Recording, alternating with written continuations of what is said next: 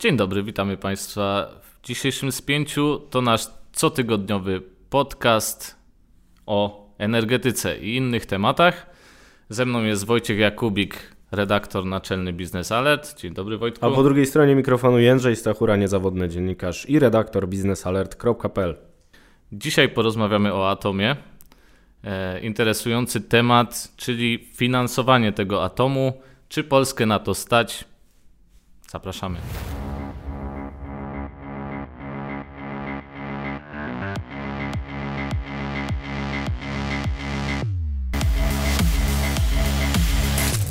Wojtku, wiemy, że Polska wybrała technologię amerykańską. Westinghouse pomoże nam zbudować wreszcie tę pierwszą elektrownię jądrową. No ale nie za darmo. Nie za darmo właśnie. Niestety. Wiemy, że około 100 miliardów złotych ma kosztować to przedsięwzięcie. Wojtku, czy Polskę na to stać? Hmm, 100 miliardów złotych to jest y, tylko jedna elektrownia jądrowa i to przy zgrubnych szacunkach, ponieważ ta cena może się wahać. Może być trochę mniej, a może być nawet i 150 miliardów. Wszystko zależy od lokalizacji, wybranej technologii i tym I, podobne. Ile tego będzie? ile tego będzie i jak sobie złożymy tak zwany model finansowy, czyli jak będziemy finansować tę elektrownię, bo sama kwota 100 miliardów złotych, czy to jest dużo? Załóżmy, że rocznie wydajemy na program 500 plus 4-5 miliardów złotych, czyli w dekadę wydajemy 40-50 miliardów złotych. A zatem 100 miliardów złotych na jedną elektrownię jądrową to są dwa programy 500 plus przez przez 10 lat, zakładając, że połowę kosztów bierze na siebie partner technologiczny, czyli właśnie Amerykanie z Westinghouse'a, czy też Bechtel, który ma być operatorem, e, który ma przekazywać operatorstwo nad e, elektrowni- zarządzanie elektrownią jądrową polskim elektrowniom jądrowym, czyli tej spółce polskiej, no to schodzimy już do 50 miliardów złotych po stronie polskiej, czyli mniej więcej tyle, ile jest wart program 500. A zatem to jest wyobrażalna kwota. To da się zapłacić, a można zapłacić mniej albo rozłożyć te pieniądze w czasie właśnie poprzez zastosowanie odpowiedniego modelu finansowego. Nasuwa mi się takie pytanie, czy już po, powiedzmy, że zbudujemy tę elektrownię wraz z Westinghouse'em. Zastanawiam się, jak będzie wyglądało to finansowanie po starcie elektrowni jądrowej. Do tego jeszcze długa droga, bo pierwszy reaktor mamy mieć w 2033 roku, a przed nami kryzys gospodarczy, e, problemy z dostępem do materiałów, różne wyzwania, które mogą opóźnić budowę atomu. Wiadomo, że dzisiaj operatorem elektrowni jądrowych mają być polskie elektrownie jądrowe, czyli spółka totalnie pod kontrolą państwa. No i potem wraz z rozwojem projektu ona ma oddawać kolejne akcje różnym partnerom. I tutaj jest ukryty model finansowania atomu w Polsce, ponieważ na początku polskie elektrownie jądrowe mają dać kilkanaście, kilkadziesiąt procent udziałów Westinghouse'owi i Bechtelowi, czyli amerykańskim firmom, które zadeklarowały, że włożą w cały program jądrowy w Polsce 100 miliardów złotych. Dlaczego 100 miliardów złotych? Bo skoro mają dać po połowie finansowania elektrowni jądrowych, które mają być dwie, no to dwa razy po 50 to jest 100, czyli połowa z 200, które około mielibyśmy wydać na dwie elektrownie po trzy reaktory. O mocy razem 7200 MW. No więc y, tutaj wchodzą do akcjonariatu spółki y, amerykańskie. Słyszymy nieoficjalnie jeszcze od października, że oni chcą wejść nie na 49%, jak zapisaliśmy sobie w programie polskiej energetyki jądrowej, ale na przykład na 10%, czyli nie tak dużo. No i dlaczego tak ma być? Może nie chcą, może tak sobie słabo wynegocjowaliśmy, a może pomysł jest inny. I tutaj pojawia się model finansowania, który jest szeroko komentowany teraz w środowisku zajmującym się energetyką jądrową, czyli model SACHO. Nie Soho jak dzielnica w Londynie, tylko Sacho. Dlaczego Sacho? Ponieważ stworzyli ją Łukasz Sawicki oraz Bożena Chorbaczewska, czyli Sacho od ich nazwisk. To jest tak zwany spółdzielczy model finansowania elektrowni jądrowych w Polsce. Są takie modele spółdzielcze w różnych miejscach e, na świecie, ale my mamy swój wyjątkowy, właśnie powstały na SGH i w Ministerstwie Klimatu i zakłada on zaangażowanie spółdzielcze na takiej zasadzie, jak na przykład ktoś stawia sobie fotowoltaikę na dachu i ma bezpośredni dostęp do energii z tej fotowoltaiki i niższy rachunek za prąd. Tylko, że w tym naszym modelu atomowym takim e, inwestorem jest jakaś spółka, firma, czy też samorząd na przykład, albo jakieś władze miasta, które są dużym konsumentem energii. Na przykład mamy jakieś miasto na Pomorzu, które potrzebuje bardzo dużo energii.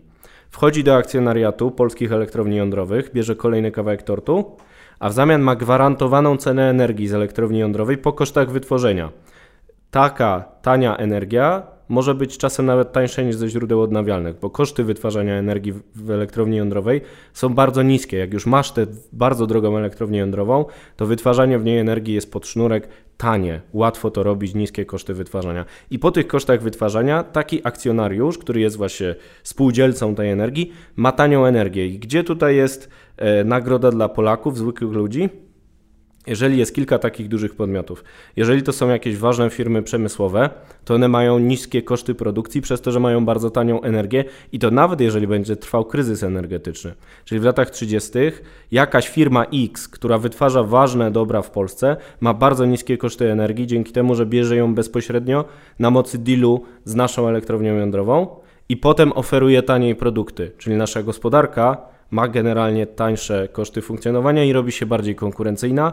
Należy się spodziewać, że w takim modelu spółdzielczym, jeśli zostanie zastosowany, a o tym przekonamy się dopiero w 2023 roku prawdopodobnie, e, będą chciały wziąć udział firmy, które zużywają dużo energii. U nas najwięksi konsumenci energii to jest Orlen, KGHM i tym podobne. I możliwe, że takie podmioty albo właśnie jakieś duże samorządy będą zainteresowane wejściem w polski atom. I w ten sposób powstanie model finansowania, który spowoduje, że mało tego, że Polskę będzie stać, to jeszcze ta inwestycja się zwróci, bo tutaj jest kolejny haczyk, kolejny ciekawy element tego pomysłu Sacho, który powstał u nas, że pieniądze pozyskane przez PEI, czyli Polskie Elektrownie Jądrowe w wyniku sprzedaży akcji, posłużą do finansowania kolejnych reaktorów, czyli będziemy je budować na zakładkę w coraz mniejszym stopniu z własnego budżetu państwowego. No bo na początku my włożymy te 50 miliardów, tak jak wkładamy na przykład w 500 ale potem coraz mniej będziemy dokładać i coraz taniej będziemy budować, bo taki jest też sens jednego partnera technologicznego, że każdy reaktor potem jest tańszy, bo budujemy lepiej, bo jest efekt skali, bo wiemy jak to robić. Tak, właśnie. Ważne, żeby dowiedzieć się, jak to robić. Też ta jakby edukacja y, po, Polski w atomie jest ważna, żebyśmy tak, kiedyś wszyscy może... kojarzą reklamę z atomickimi, która nas bombarduje ze wszystkich mediów w tym momencie, właśnie za sprawą polskich elektrowni jądrowych. I być może kiedyś będziemy mogli stawiać własne elektrownie bez pomocy ha. innych. No raczej. Jeszcze chciałbym... Może tego nawet dożyjemy, czego sobie i Państwu życzę. Tak, sobie przede wszystkim. Nie no, Tobie też. Mi też, dziękuję. Y, w każdym razie chciałem jeszcze podpytać, bo wiemy, że e, ruszył też pomysł współpracy, porozumienia o współpracy e, polskiej prywatnej firmy ZEPAK, pana Solorza, mhm. E, wraz z PG i koreańskim KHNP być może postawią elektrownie czy reaktory w Pątnowie.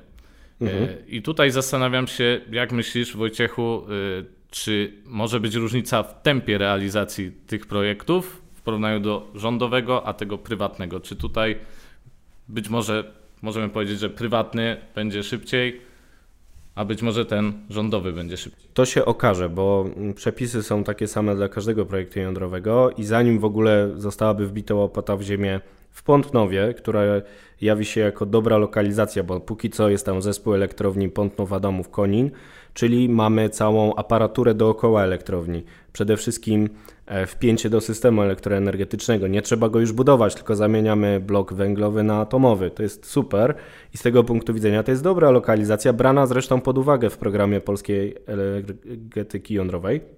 Natomiast y, projekt y, ten będzie musiał dostać zgody środowiskowe, przejść te wszystkie procedury, które trwały wiele lat w przypadku polskiego atomu e, w pierwszej lokalizacji na Pomorzu i to jest jakiś hamulec. Potem, kiedy już zacznie się budowa, no to KHNP z y, Korei pokazała na przykład w Zjednoczonych Emiratach Arabskich, że buduje w terminie, w budżecie, wszystko pięknie potrafi e, zrobić, to też jest dobra technologia.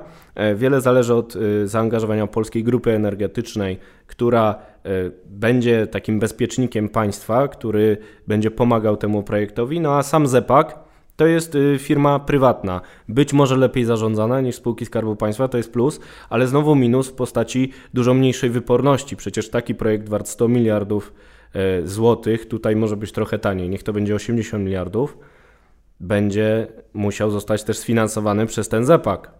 A to jest świetna firma, nawet y, związana z człowiekiem, który ma jedno z ważnych mediów w Polsce, ale czy jest w stanie bez pomocy państwa sfinansować właśnie tak wielkie przedsięwzięcie? Może się okazać, że e, przy wszystkich zaletach e, kapitału prywatnego jednak ta widzialna ręka państwa będzie potrzebna.